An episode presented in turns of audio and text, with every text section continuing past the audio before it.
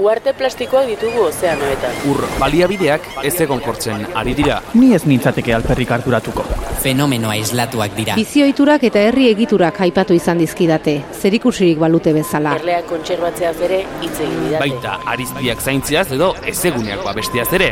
Eta ni, Nork babesten hauni. Mikroplastikoak elikadura katean sartu zaizkigu.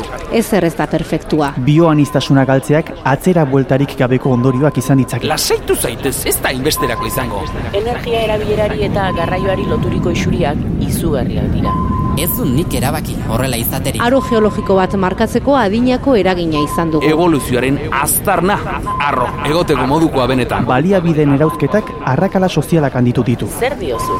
Nik ez dut alakorik egin. Eragindako inpaktuak direla eta muturreko fenomenoak ugaritu dira. Nire inguruan ez dut hori sumatu. Euri azidoa bertan da. Bizitzak aurrera darrai. Bai? Ziur, Gelditu makinak. Gelditu makinak.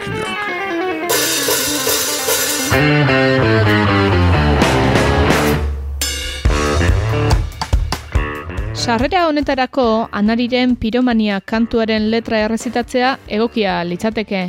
Paperekoan bagina linka ere soberan ez. Ez da kasua eta ezkoaz. Abestirako lotura den esena jagaberik hori gabeko izki multzo amaigabe hori diktatzera. Kotxean sartu eta basuan su- sua piztera ere ez. Bai ordea, larreak erretzearen prozesuaz aditu eta arituekin hizketan jartzera. Zer da larrea garbi egotea? Maiko lehen kolpera Iker Elosegi gonbidatu dugu Euskal Herriko Laborantza Ganbarako arduraduna. Zer landu larreak erretzeak? Bigarren asaltora berriz, Aitor Bazterrika basozaina dator. Horrez gain, pilulen natala ere izango dugu eta bertan sua pizten abil askoa den bat, nor eta Danele sarri ugarte. Bada ezpada, segurura jo dugu eta poispoloen beharrean irakurgai gomendioa eskatu diogu. Dena pres dagoenez gero, eman zaiegon zu gelditu makinak saioaren emeretzigarren atalari.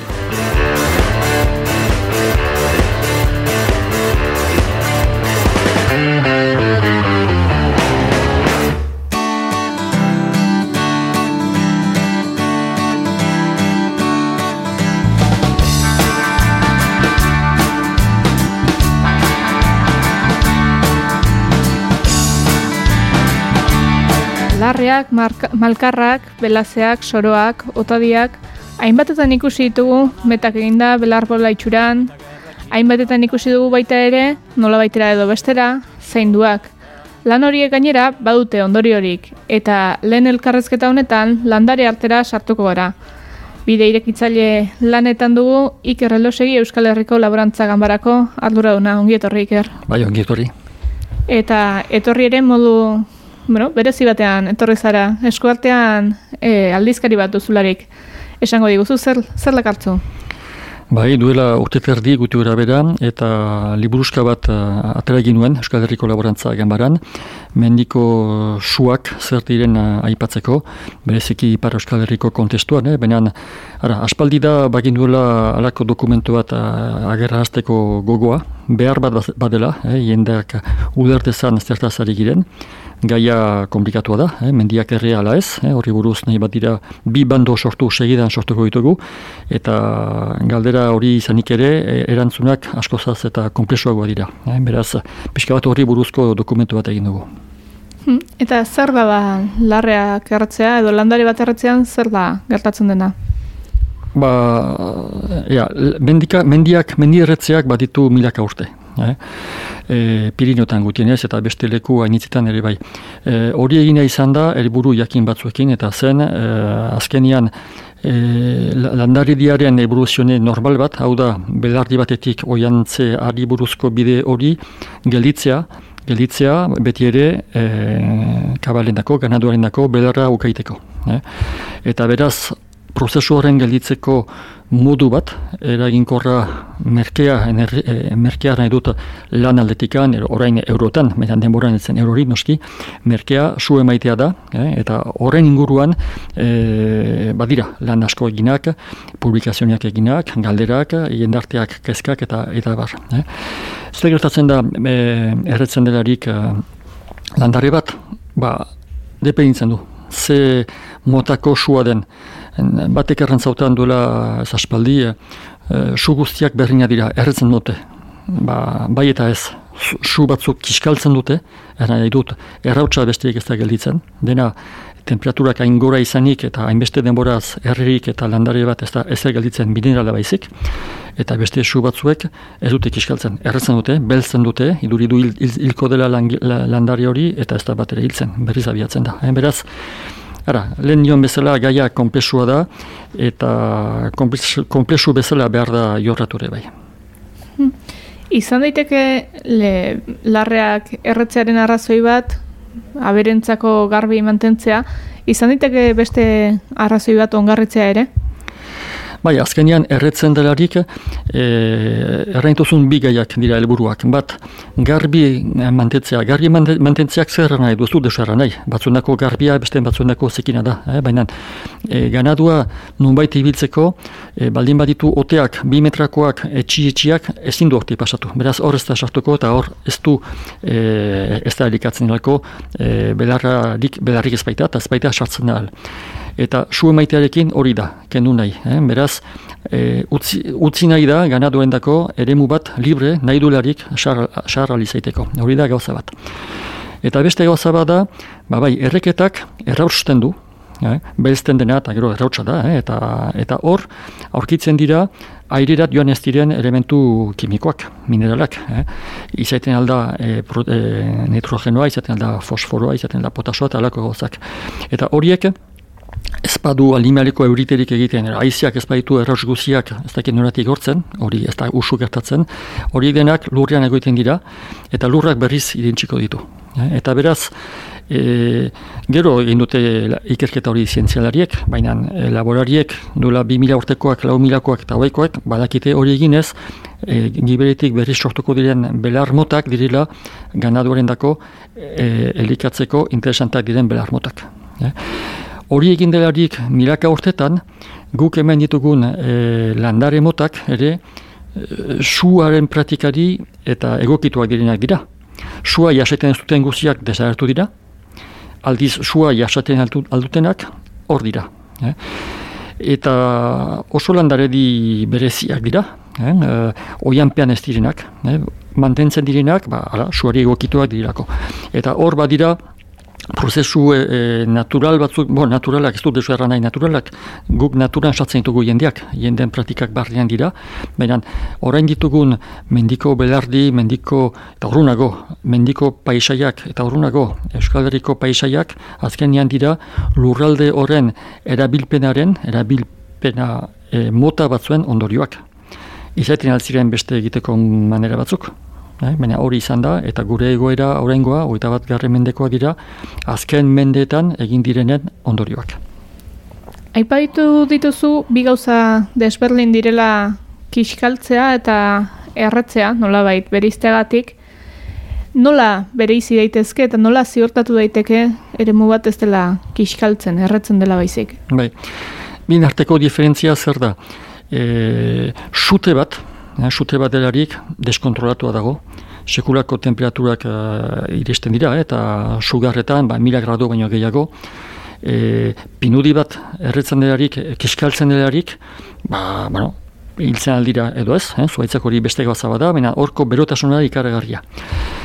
Zer gertatzen, afen, ulertu behar da, e, landarien geroa lotua dela ez bakarrik agerian den, kanpoan den, enborrak edo e, e, ostu eta bat, bereziki erroak, sustraiak nola nauden. Eh?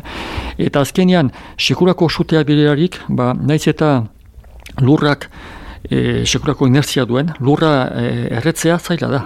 Eh, oso energia asko zerri baduzu temperatura igorazteko lurrean, baina e, ohartzen da mendiko su horiek pasatzen dirarik eta azkar pasatzen diren sutikiak dira normalki. Eh? Azkenean, zentimetro batean hartu temperatura eta hogeita bost gradotan gaude, ez gehiago, neguan. Aldiz, suteak dirarik, ba, hori gotzen alda, egun grado, egun eta berroita marrera. Eta egun grado, eta egun berroita mar gradotan, ba, materia organikoa edo bizi hori erretzen duzu, hiltzen duzu. Hogeita bost gradokin, gu ere ez gira erretzen. Eh? Beraz, hori dira pixka bat diferentziak, e, sute bat, eh, kiskaltzea arrandut lehen, eta mendiko su baten arteko diferentziak. Ara. Gero, eh, ez da inorri biltzen hemen su emaiten mendiari termometro, bat, termometro batekin jakiteko, ea hogeita bostean nagoen edo, edo, edo gehiago. Noski ez horiek, gauza horiek ikerlari munduatan, munduan ikertuak izan dira, baina e, praktikak zer dira, E, Amar urtetik behin erretzen bada eremu bat, hor izriskatzen da egiazko sute bat gertatzea. Zergetik, amar urtez gure kliman landaredia uzten badugu bere gisara joaiten, oteak izango dira ikaragarriak, eman ezagun. Eh? Kosta partean bat gira ote asko dago, eta hiru lau metroko ote batean, otadi batean sua eman, eta hortik eskapatu segituan. Zeren hor da sute bat, ikaragarrizko zerak. Eh? Beraz, egi, eh, aspaldiko praktikak dira, maiztasun, e, nora, ez amar urte egoitea zain, baizik eta bi, hiru, lau urte depeintzen du lekuak. Ne? Eta hori eginez, azkenean erregai kantitateak kipitzen dira. Eta erregai kantitateak kipituz, basua ez dina izan izigarroa oso ondia, eta azkarrago pasatzen da, eta horrek eragin desberdina ditu. Eragina ditu, beti su batek, eh, noski baietz, baina ez e, alako mendiko su baten eragina eta sute batenak ez dute zer ikustekorik. Batek, azkenean, jendeak nahi duen e, eremu bat, nahi duen moldean e, atxikitzea du helburu eta besteak ez dakit zerkoan helburu zeren sute batek, sute bat emaitea oraiko egoeran eta azkeneko e, amarkadetan ez da helburu bat. Izaten alda, su, eh, mendiko su bat eskapatu dela, edo izaten alda, norbaitek su eman nahi duela, baina ja ez du horrek helburu e, laborantzarekin lotura duen helbururik. Larre batean erreketa gertatzean, zer da zehazki gertatzen dena, ze mineral askatzen dira, zertarako dira horiek baliagarriak? Bai, e, larre batean e, mendiko suak egiten direrik, behar da ulertu mendiko suak neguan egiten direla. Eta neguan, behar gehienak, ba, ez daude aktibo. Erroak bizitira, bizitira dago noski, baina kanpotik iduridu e, idortua, iartua dela, eta ez dela zer gertatzen. Eh? Lanare gehienak, batzuk beti berdeak dira noski. E, beraz, erretzen delarik hori da, azkenean asalean den hila iduri duen eta materia bat erretzea. Hor, bizia delarik baino, e, nora, e, e, elementu kimiko desberdina dira. Eh? Lehen aipatu ditut, bereziki fosforoa, potasa eta, eta horiek, ba, horiek, E, gu jaten dugularik e, edo zoin berazki, e, iresten ditugu horiek eta berritugu gure e, nora, gure edisiriketan eta elementu horiek berritugu proteinak egiteko edo behar dena. Azkenean horiek erretzen dirarik, mineral bezala lur gainean egoiten dira, euriarekin, e, umitasunarekin horiek azkenean, lurpean diren mikroorganismo eta bizi guzi horrek irentziko ditu, hartuko ditu. Eh? Urean disolbatuko dira, sartuko dira lurrerat ba, diren zilo zirrikito guzien uh, hortarik, eh? eta beraz, sartuko da azkenean lurrean, bizi, lurreko biziaren eta ziklo hortan. Eta bizi, bizi, bizi horren ziklo hortan, daude memento bat, batuz, batzuz, e, landariak, erroetatik, irentsiko dituzte, eta dira, azkenean, osaigai batzuk. Lehen erren dut, neguan landaredi gehienak geldi dago, hila bezala, ez eta bizi den, eta udaberrian dira hasiko gauzak funtzionatzen. Eta udaberrian oso eskuragarri izanen dituzte horko lehen sortuko dire landari horiek, lehen berpiztuko dire landari horiek, elikagai horiek, e, disolbituak hor dagoen urean. Eta beraz segituan eskuragarri izanez, indar gehiagorekin e, hasiko dira.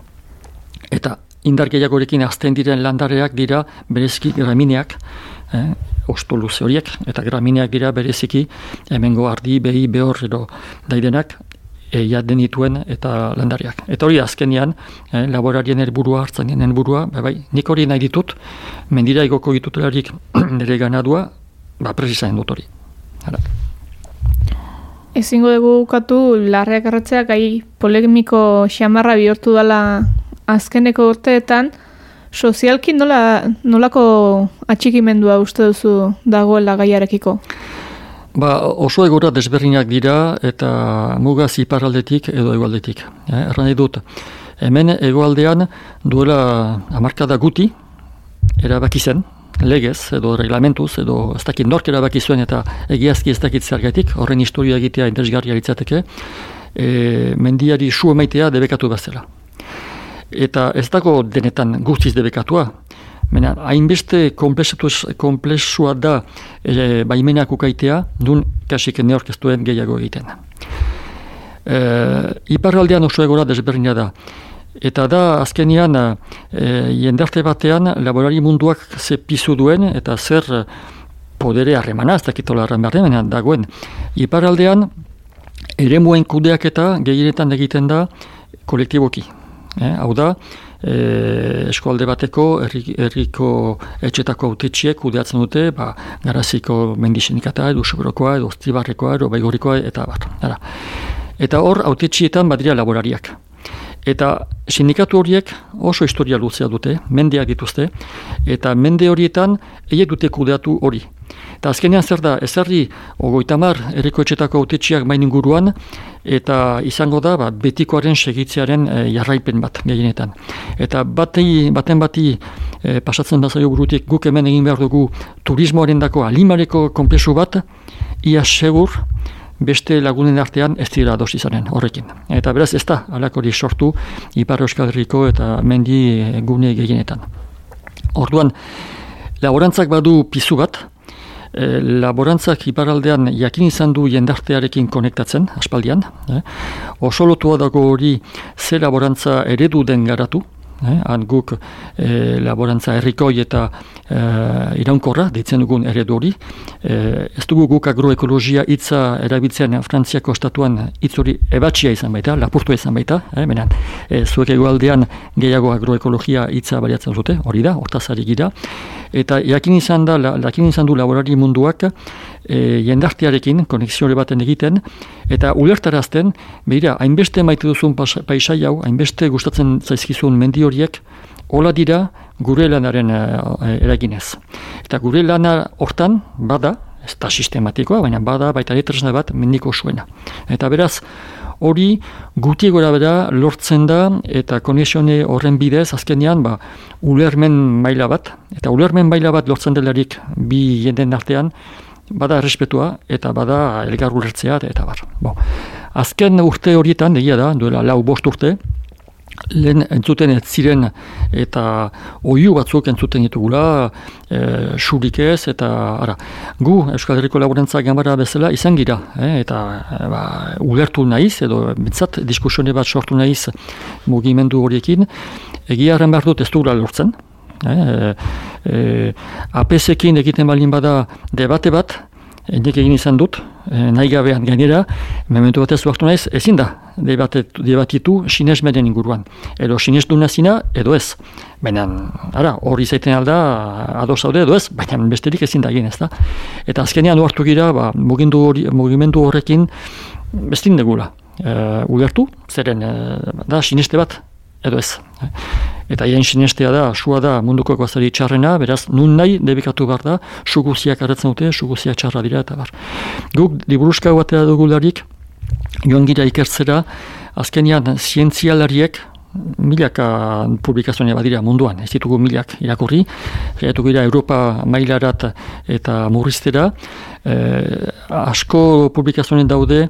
Ez mendiko su horieri buruz, erreketa horiek tipia dira, eh, maiz gertatzen diren tipiak, asko daude sutieri buruz, baina azkenian gure galdera ziren eh, mendiko su horiek bionistasuna izorratzen dute, mendiko suak e, igadura sortzen du, beraz mendien lurra e, desegin du, pixka horren inguruan.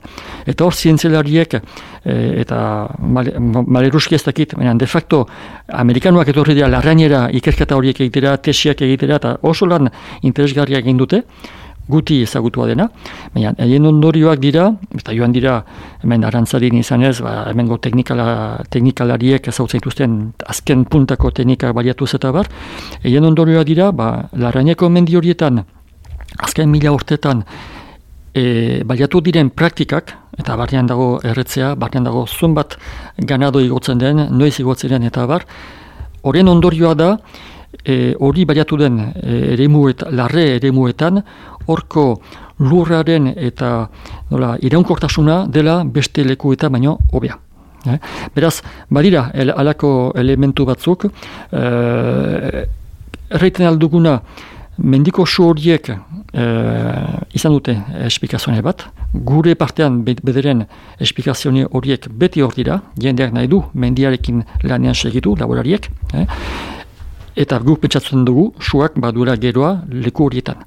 Eta pentsatzen dugu baita ere, badira e, diru laguntza, Europako diru laguntzak eskuratzeko e, mendia garbi atxiki beharra, eta badira jende batzuk su maiten dutenak ganan hori gabe. Eta pentsatzen dugu leku horietan, beharko dela erabaki, mementu batez, ez badu ganadurik, ze zentzu du me, su emeitea. Uze zakun oiana, edo egin zakun beste zerbait, baina, ara, Hori erraiten dut, e, etzezazula pentsa e, nina izela suaren abokatu bat, eh? mena suak badu e, zentzu bat, izan du, badu orain, eta pentsatzen dugu geroan ere izanen duela, mena ez sistematikoki ez nola nahika egina. Esan bezala, sarrenan aipatu dugu liburuska batekin etorri zarela, Nun eskuratu daiteke mendiko suak ipar euskal herrian izeneko liburutxka hau edo interesa lukenak? Bai, ba, oso erresa da. Eh? E, euskal herriko laborantza gambararen webgunean eskuragarri da. E, doainik PDF-en e, hartzen alda eta irakurri. E, eta gure webgunea da ehlgbai.org. E, hori edo zein motorrean atxemain duzute. Erran behar dut, gehiena frantsesez dagoela, naiz eta badiren e, puska batzuk euskaraz eh, sintesia batzuk bezala, baina eh, hor dago. Eh? Eta hor agertzen diren bibliografia guzia galdatuz eh, eskuratzeko ez dago arazorik. Ba, Iker, elosegin mila-mila esker gurera etortzeagatik eta halako azalpenak emateagatik. Milizka zueri. Oitura den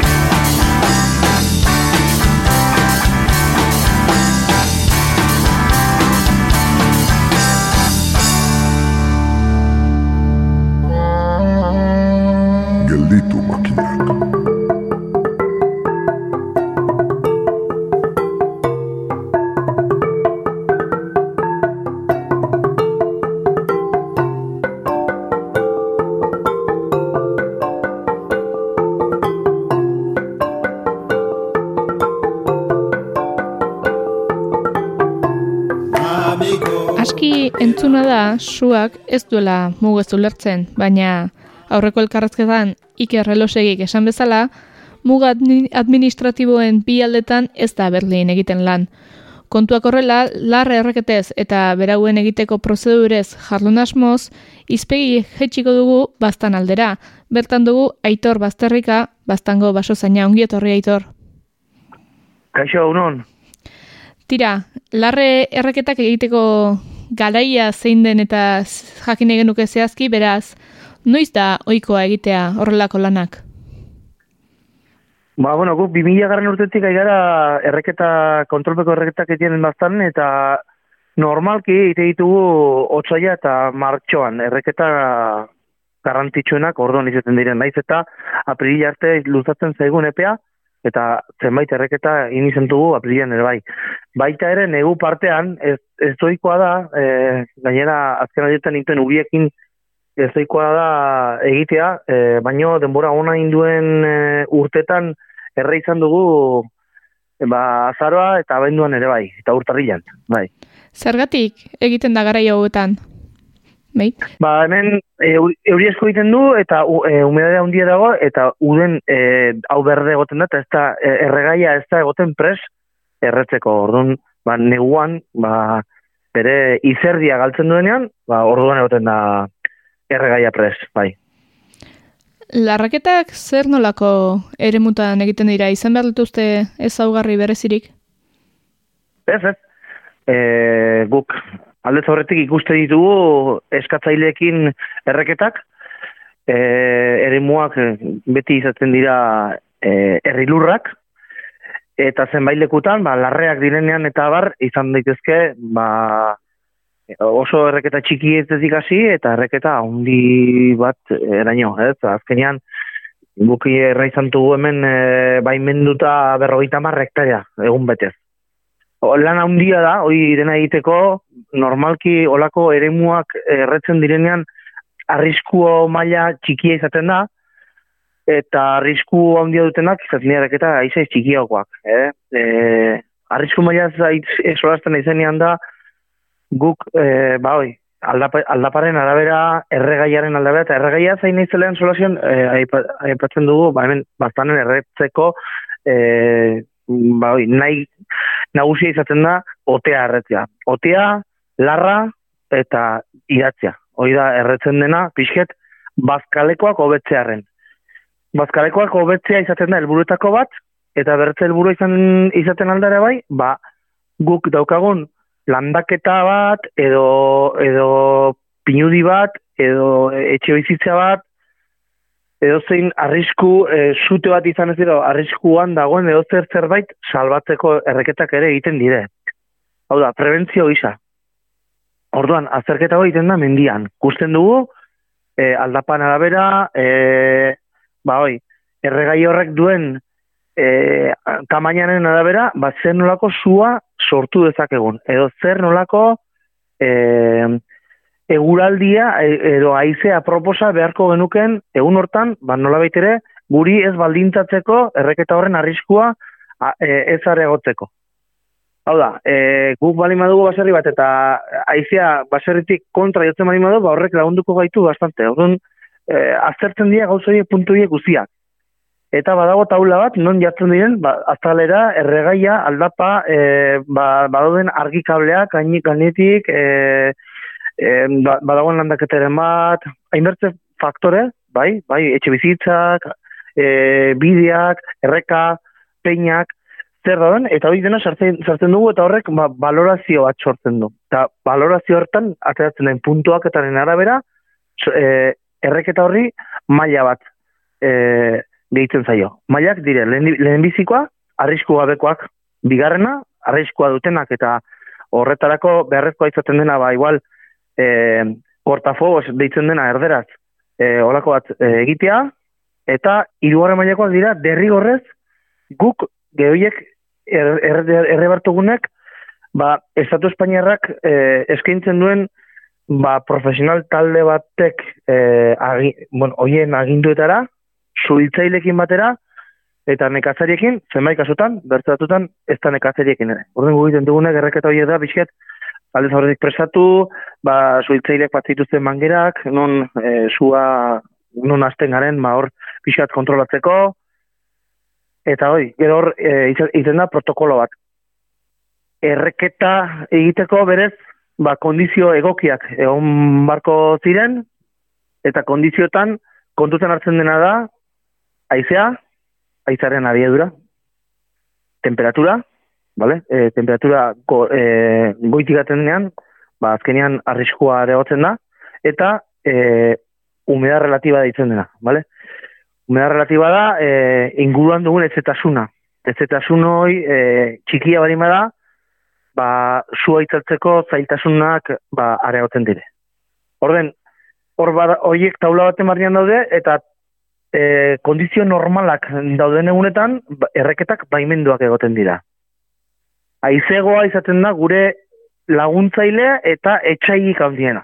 Aizegoak laguntzen gaitu erreketak egiten azpitik goiti ematen duelako aiziak beti eta eta guk erreketak gainbera egiten ditugunez, ba horrek ba maten dio nolako bizitasun eta eta zuek egiten du bere lana txukun, baino haize hori zakartzen denean ba, eskapatzen zaiguzue. Orden, jakin bar da, segunetan, ze iragarpenak gauden, eta nola egin behar den. Horre badu bere gaut. Eta azkenean, helburua denen helburua da, e, mendiak e, ardura zerre, e, lana txukun egin, eta lan horrek, ba, gero, e, torkizunean, izatea nolabaiteko e, ba, oi, etekina, ez?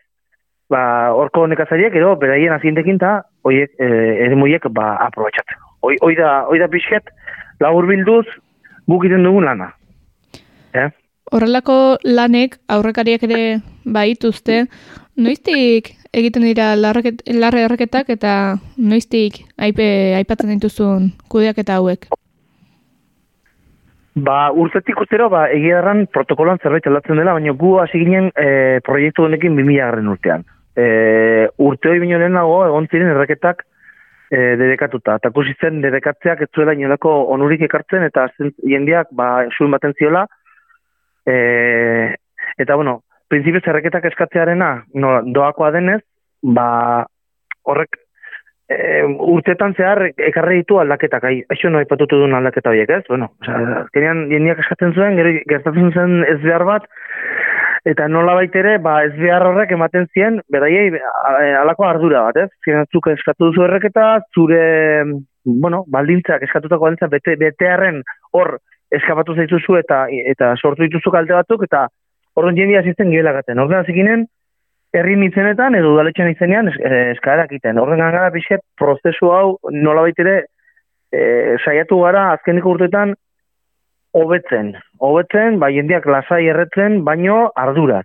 Eta egie da bat gule bataren jendean hitz e, ba, erretzen dakitenak eta udaletxetik eta baita suitzairetik ere ba, materiala ematen zaie eta laguntza. E, guk e, udaletxeko langileak e, buru belarri biltzen gara demoraldian da, erreketak egiten laguntzen, baina guk baten digune lehentasune da beti zailtasun gehiena duten erreketa horiei. Azkenean, e, gure esperientzia horrek eta eta gure jode, e, baitugun kamionak eta gauzek, ba, erreketa batean e, ba, lasai lanean ditzeko ba, aukera aukerak bi erkatzen dizkigu. Orden, nekazari berak ere goten dire, aixe tranquila, ba, batzen dugu gure, eta gure bale du amar persona baino gehiago, urekin itzaltzen da Eta, ba, oi, bi mila garren urtetik unaino, izan dire urte onak, e, kriston lan aintzugun urteak izan dire, e, egia da, pasatu dira, esente urte e, oietaik.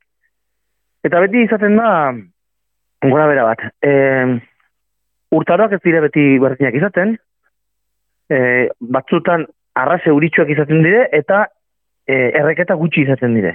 Ba, horrek ez duelako aukeri ematen. Eta tinik azarik ez dute bakarrik erreketan petzatzen, baizik eta beren ongarrik eta bartutze belaietara eta gauzek, eta eta urtaro hortan, urta, e, bueno, e, negu bukaera hortan, nola baitere, ba, udaberriari, e, hasiera eman nahi zinean, ba, prestaketa lan batzuk ere imar dire. Orduan, terrenoan ez palime duzu, zuk aukerik e, uria iten duelako, ba, urte ditan erreketa aiz gutxi iten dire erreketa gutxi eta zuteak ere gutxi izatzen dira. Zer gertatzen da? Urren urterako lana pilatu egiten da. Bastan bezalako eremu batean, hemen hogeita mazazpi mila hektariako eremuan bizi gara, ba, zuteak ez palima duzu eh, mantenimentu bat bezala iten urtero, borteun bat hektarea erre, ba, gero gertatu daiteke egiaz bezala, ba, mila eta piko hektaria zutetan erre izana, naiz eta e, ia beze zazpiron bat hektarea du erregintzen guk e, baimenduta. Orden, aurten, pues, previsio bezala, artean latzut, bueno, olako pikoa izan eta gero, pues, eh, aurten urte lasaia espero dugule. E, eh, Haunitz ere, ere mu errezelako, da nerurtia. Baina batugu ala ere, danak eldituek, e, bai, ingabe, ez dakulako astigman. Larre erreketak egiteko prozesuak, e, ba, diozun gixean, zenbait pausu baitu, eta lehenik eta bain, Nola da doa baimen eskaerarena? Edo nork eska dezake baimena zer, zer bete behar du? Bai, e, baimena edo nork eskatu dezake eta e, erretzeko bete beharrak dira. Lehenbizik, tortzen dire ingurum, ingurumen departamentuko menditzainak astean behin Elizondora hemen bereik duten egoitza batera. Denek nekazari guziek hor e, nekazari eta betzain guziek bat batzuzte hor e, albaiteruak eta tortzen direlaik bere gauzek itera, pues, aprotxatzen dute eta eskatzen dute e, erretzeko baimena. Orden, azten da, erretzeko baimena eskatzeko eguna. Sinatzen dute eskaera eta melizainak egaten dire mendire eta horretzen dute lehenbiziko balorak, baloraketa bat. Baloraketa hori atatzen bada puntuazio handikoa, hau da, hiru harre mailako erreketa bat, adibidez, gero hortik itzinet, baten gara, EPRIF, izena duen talde hau, e, Espainiar estatuak e, bidaltzen digun profesional talde bat da, lau personek osatze dutena, bi agintari dire eta bi e, langile, baina bueno, parte hartze dute erreketetan denek, zuitzaileak, eta kusen dugu. Pixket, e, eremua zein den, eta e, suak eskapatuz gero, ze kalteak sortu litzazken, eta horritzen da plangintza bat, bai? Plan de kemas, deitzen da, eta bere egiten dutena da, sua nondik hasi behar den, ze goeratan egin behar dugun sua, ze kondizioak bete barko ziren egun hortan zuoi ba, segurtasunez egiteko, eta nafar gobernura bialtze dute. Nafar gobernuak onartzen du planoi, eta e, berbiatzen digu plana, eta horra gara ja, zerrenda bat osatzen. Zein da, aurten erre bar dugun arrisko gehieneko erreketa hau. Eta iten dugu zerrenda bat. Eta biziko euraldo nahi duen nean, erretzeko, basten gara. Erretzen, eta, a ber, gaur ze, ze aize dugu, ba, ego ekialdeko aizea dugu, bale. Ego ekialdeko aizeakin, ze erreketa egin berko genuka arriskutsua dena, ba, bueno, uniko meni zaio, ai, hau, nahi zairu harrena egon, ba, igual izan da, oi, erreketa, oi, egunean. Egun hortan, iten dena da, e, Nafar gobernura deitzen da, eta hando han dituzten datuekin, barreatzen digute, egun hortan baimenduak daude larraketak. Eta baimenduak daudenez, bagu aldez aurretik elitzen gara suitzailekin, eta gaten gara e, errebarreko ere muertara. Patzen dugu kamionak eta gure e, neurri guziak patzitu patu hordien lekuen, eta horretzen da, egun hortan, e, esplikatzen zaie bertako guztiei, bertaratzen garen guztiei esplikatzen zaie egun hortan nola errebar dugun eta ze pausoak eman barretugun, eta komunikazioa nola iten den. Dena, gualkitalkiz egiten dugu, zati batzutan ez da ikusten talde bat bertze taldeakin, beti azten gara gainetik, azten gara puntu altuenetik, eta azten gara alde, alde batera e, talde bat, eta bertzaldera bertze talde bat. Eta, erraten da, bertze ritmotan gamar dugun, nola gamar garen itzaltzen, non dauden arriskoak, dena esplikatzen da, e, sua eskapatuz gero nola e, zer egin behar dugun, segurtasuna batik norat eskabatu behar dugun, hainbertze gauz, hainbertze datu ematen dire momentu hortan, eta badago pertsona bat, une oro datuak hartzen nahi dena. Hau da, aizearen abiadura, norabidea, e, ez eta suna, suak, e, ze abiadura danaman e, gainbera, ba hoi, e, aurrikusitakotik ba, gehiago den edo gutxiago baloratzen da un euro dena dago kontrolpean, da horra eta guzti radio solazian. Eta horrek iten duena da, pues, segurtasun haundi ematen datu. Eta hori de protokoloa, bai.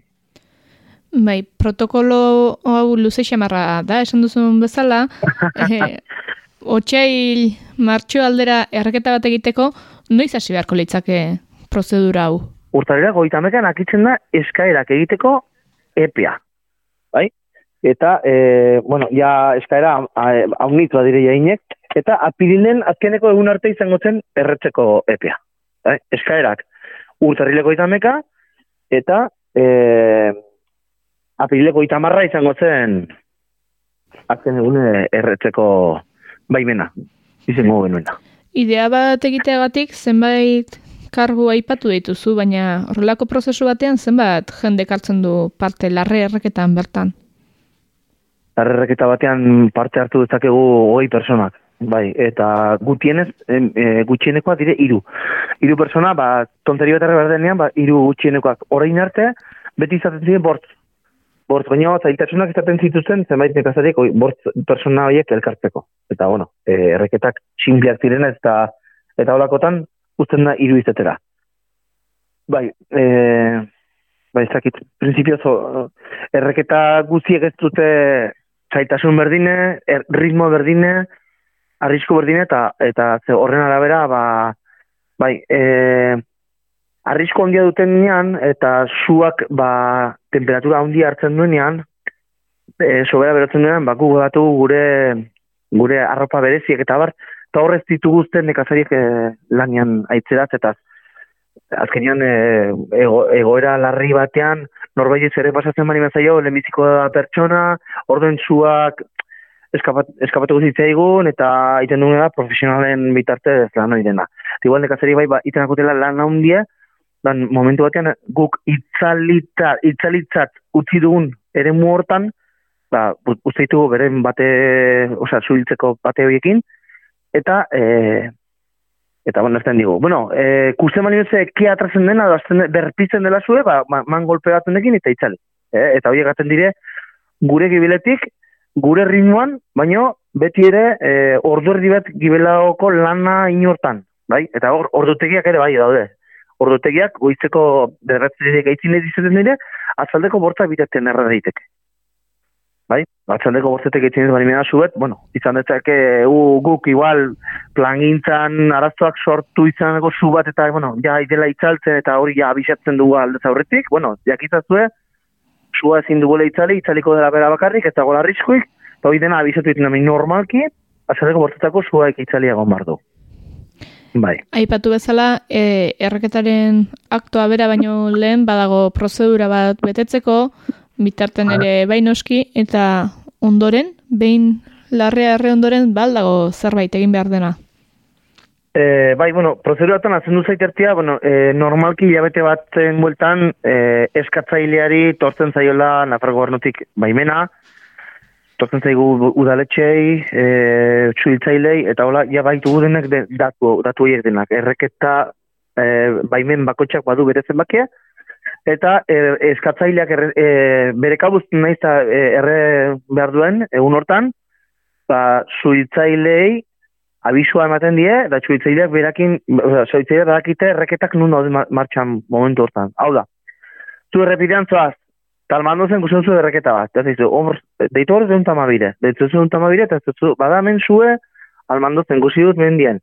Errepidetik ikusten da, tertzen atute eun tamabikek, bai, erreketa hori bai minduta dago. Lertzen, hor badago alako kontrol bat. Bertzen izango zen kriston eh, eromena, ba, zenbait lekutan ikusten delako errepidetik erreketa eta omnitzek, ba, fede honez, deitzen dutelako eta azkenean hor nahasketa sortu lizetzeko. Orden, horiek, bere kabuz, ahi diren nekazeriek ere, izen dute beren papera. Deitzen dute lehenbizien, hasi eitzinean, eta bukatutakoan, errate dute, bukatu dugu erreketa, edo erreketan aratzu emat sortzen bat zaie, ertzen dute, eskapatu zaigu zuen e, gaineko bilen goiti. Eta hor, ja, e, zuhiltzailek baloratzen dute, nola e, ekin behar duten zu horri edo edo zu horrek ze kalteak sortzen dituen, ba, bere ba, ituztelako beren mapak eta planak, ba, eta laguntera ere, gan hori izan dire, esku botatzera, ba, esku pixet kontrolatzeko. Jasta.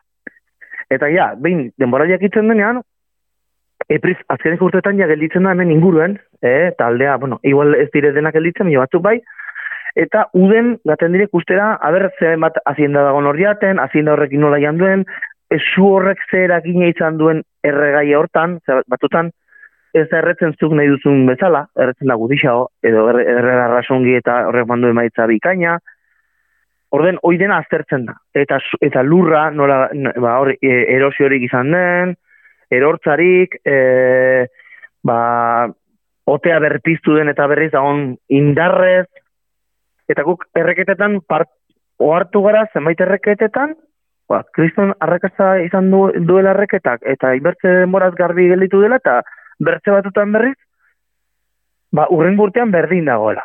Horren, aigara, susuma dugu, ilargiak ez ote duen, e, nola biteko eraginik, eta ja guk ere kontroloi eramaten nahi gara azkeneko urteetan, kusteko pixket, Adre, ilargio, e, e, zehazki ilargiak o temperaturak edo egun hortako e, zakit, zer, zer kondiziok ba, izan dezaken eragina edo, edo zen nola dagoen, e, oi ez, igual erraketa bat dago iparralderantz, edo bertzea igualderantz deire, igual kalte gehiago zuek ze, ze, ze alderditan niten duen, oi dena igara bisket azertu nahi, baina oiniken ez dugu horren datu zehatzi.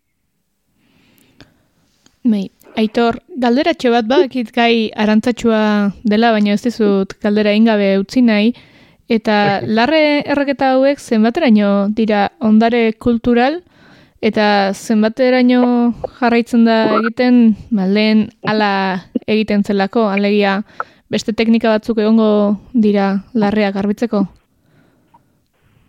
E, larreak lehenago garbitzen ziren eskuz eta iten ziren iretziak.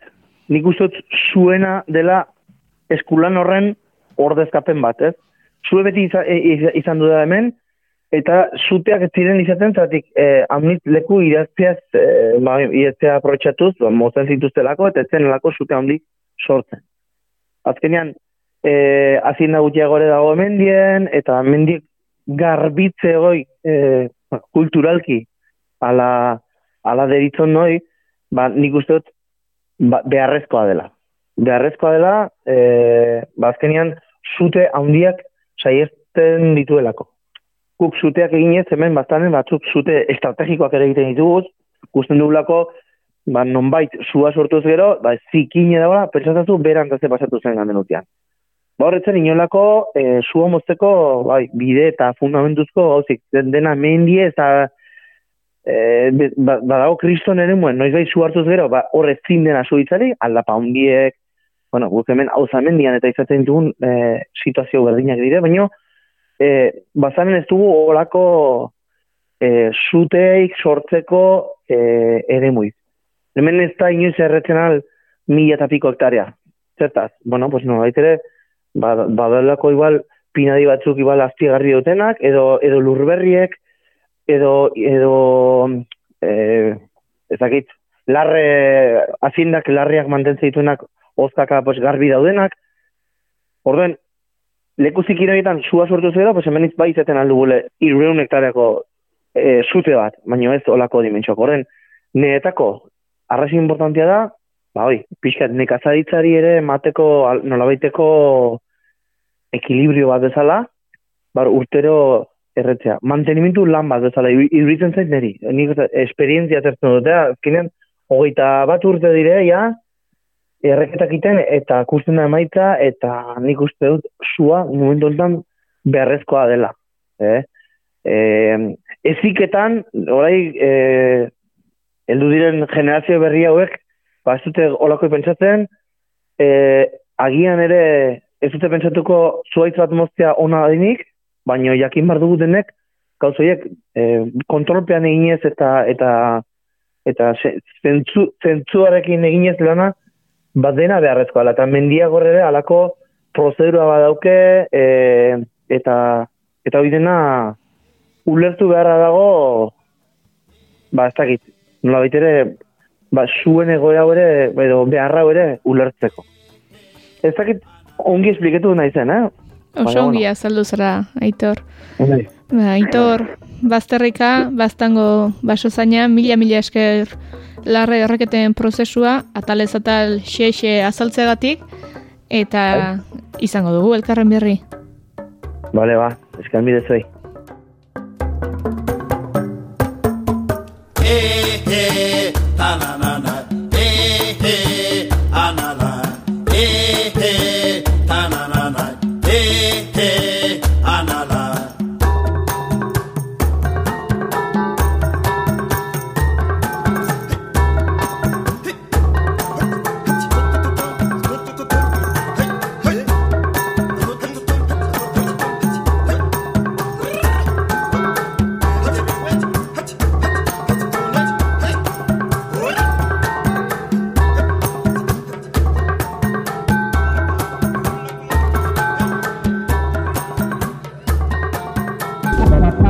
Eli pagolarekin geldituko dituzu makinak naiz irratian. Une hau noiz helduko zain zain geuden. Egongo ez ginen ba, aldamenean dugu Danele Sarrugarte, haupa Danele. Kaixo. Ea, gaur zerekin liluratzen gaituzun? Ba gaur liburu liluragarri xamarro bat eh, ekarri dut, e, Nirlit dauka izena, eta e, Juliana Lebeiet judel e, idazle kebek, kebek tarrak idatzia da, e, aiora jakak itzuli zuen eta txalapartak eh, argitaratu iaz. Eta, bueno, e, historia gogorra da, liuragarria ere bai, baina e, kontatzen du Quebec hegoaldeko emakume bat badoa saiuit e, herriskara, dala e, Quebeceko iparralde, iparraldean dagoen e, inuit herriska bat, eta, bueno, bera urtero joaten da, udan ara laneran, e, bueno, umeekin eta olako hezkuntza proiektu batean e, parte hartzen du. Eta urtez urte ara joatearen poderioz egin du lagun bat eba izenekoa eta bueno eba e, e, hil egin da, hil egin dute, ez dago oso garbi zer gertatu den, e, eta liburua kontatzen du nolabait eba hil eta geroko lehenengo uda. Eta arduan ebari kontatzen dio, ba, zer ikusten duen, nola iritsi den saiutera beste bain ere, eta kontatzen du hango errealidadea. Eta errealidade latxe amarra da, e, indarkeri handia dago, pobrezia handia dago, alkolarekiko mendekotasuna, e, bueno, kolonialismoaren eraginak, eta beste izotza, izotzaren urtzea eta beste e, arazo larri mordo bat. Baina aldi berean irutu zait oso mm, bueno, oso errealidade bat ezagutzeko bide on bat, eta gainera oso estilo ederrean idatzia, eta esango nuke kritikari batek aipatzen zuen, ez duela egiten nolako exotismotik, edo ez duela egiten e, goitik bera begiratu ze, ez, idazlea txuria izan da, ba, ez diola begiratzen goitik, baizik eta nolait parekotasun bat edo bilatzen duela bere eta beste pertsonaien artean, eta ala irutu zain diri ere, eta horregatik gomendatzea dizuet. Mm Liuragarria, gogorra eta arreta pizteko modukoa bai behintzat. Mila esker guguan etortzegatik eta datorren arte, hartu den. Hori da, zuek ere bai.